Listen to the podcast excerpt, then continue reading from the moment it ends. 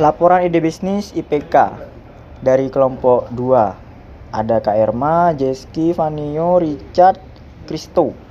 Jadi di sini kita bikin aplikasi, sebuah aplikasi namanya Warung KWU. Jadi kalau dibaca Warungku. Aplikasi Warungku ini isinya tentang promosi-promosi barang yang sudah diproduksi oleh mahasiswa-mahasiswa wirausaha Widya Mandala.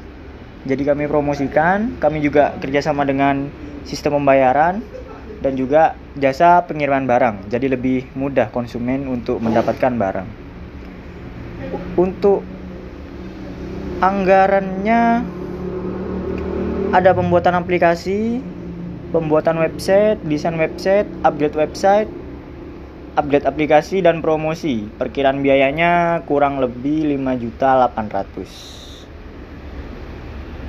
Jadi kami memilih ide bisnis ini karena kami melihat berdasarkan riset-riset bahwa bisnis online ini semakin berkembang. Jadi kami ingin membantu orang-orang yang kesulitan dalam mempromosikan. Jadi kami juga memudahkan para konsumen untuk mendapatkan barang-barang yang dicari.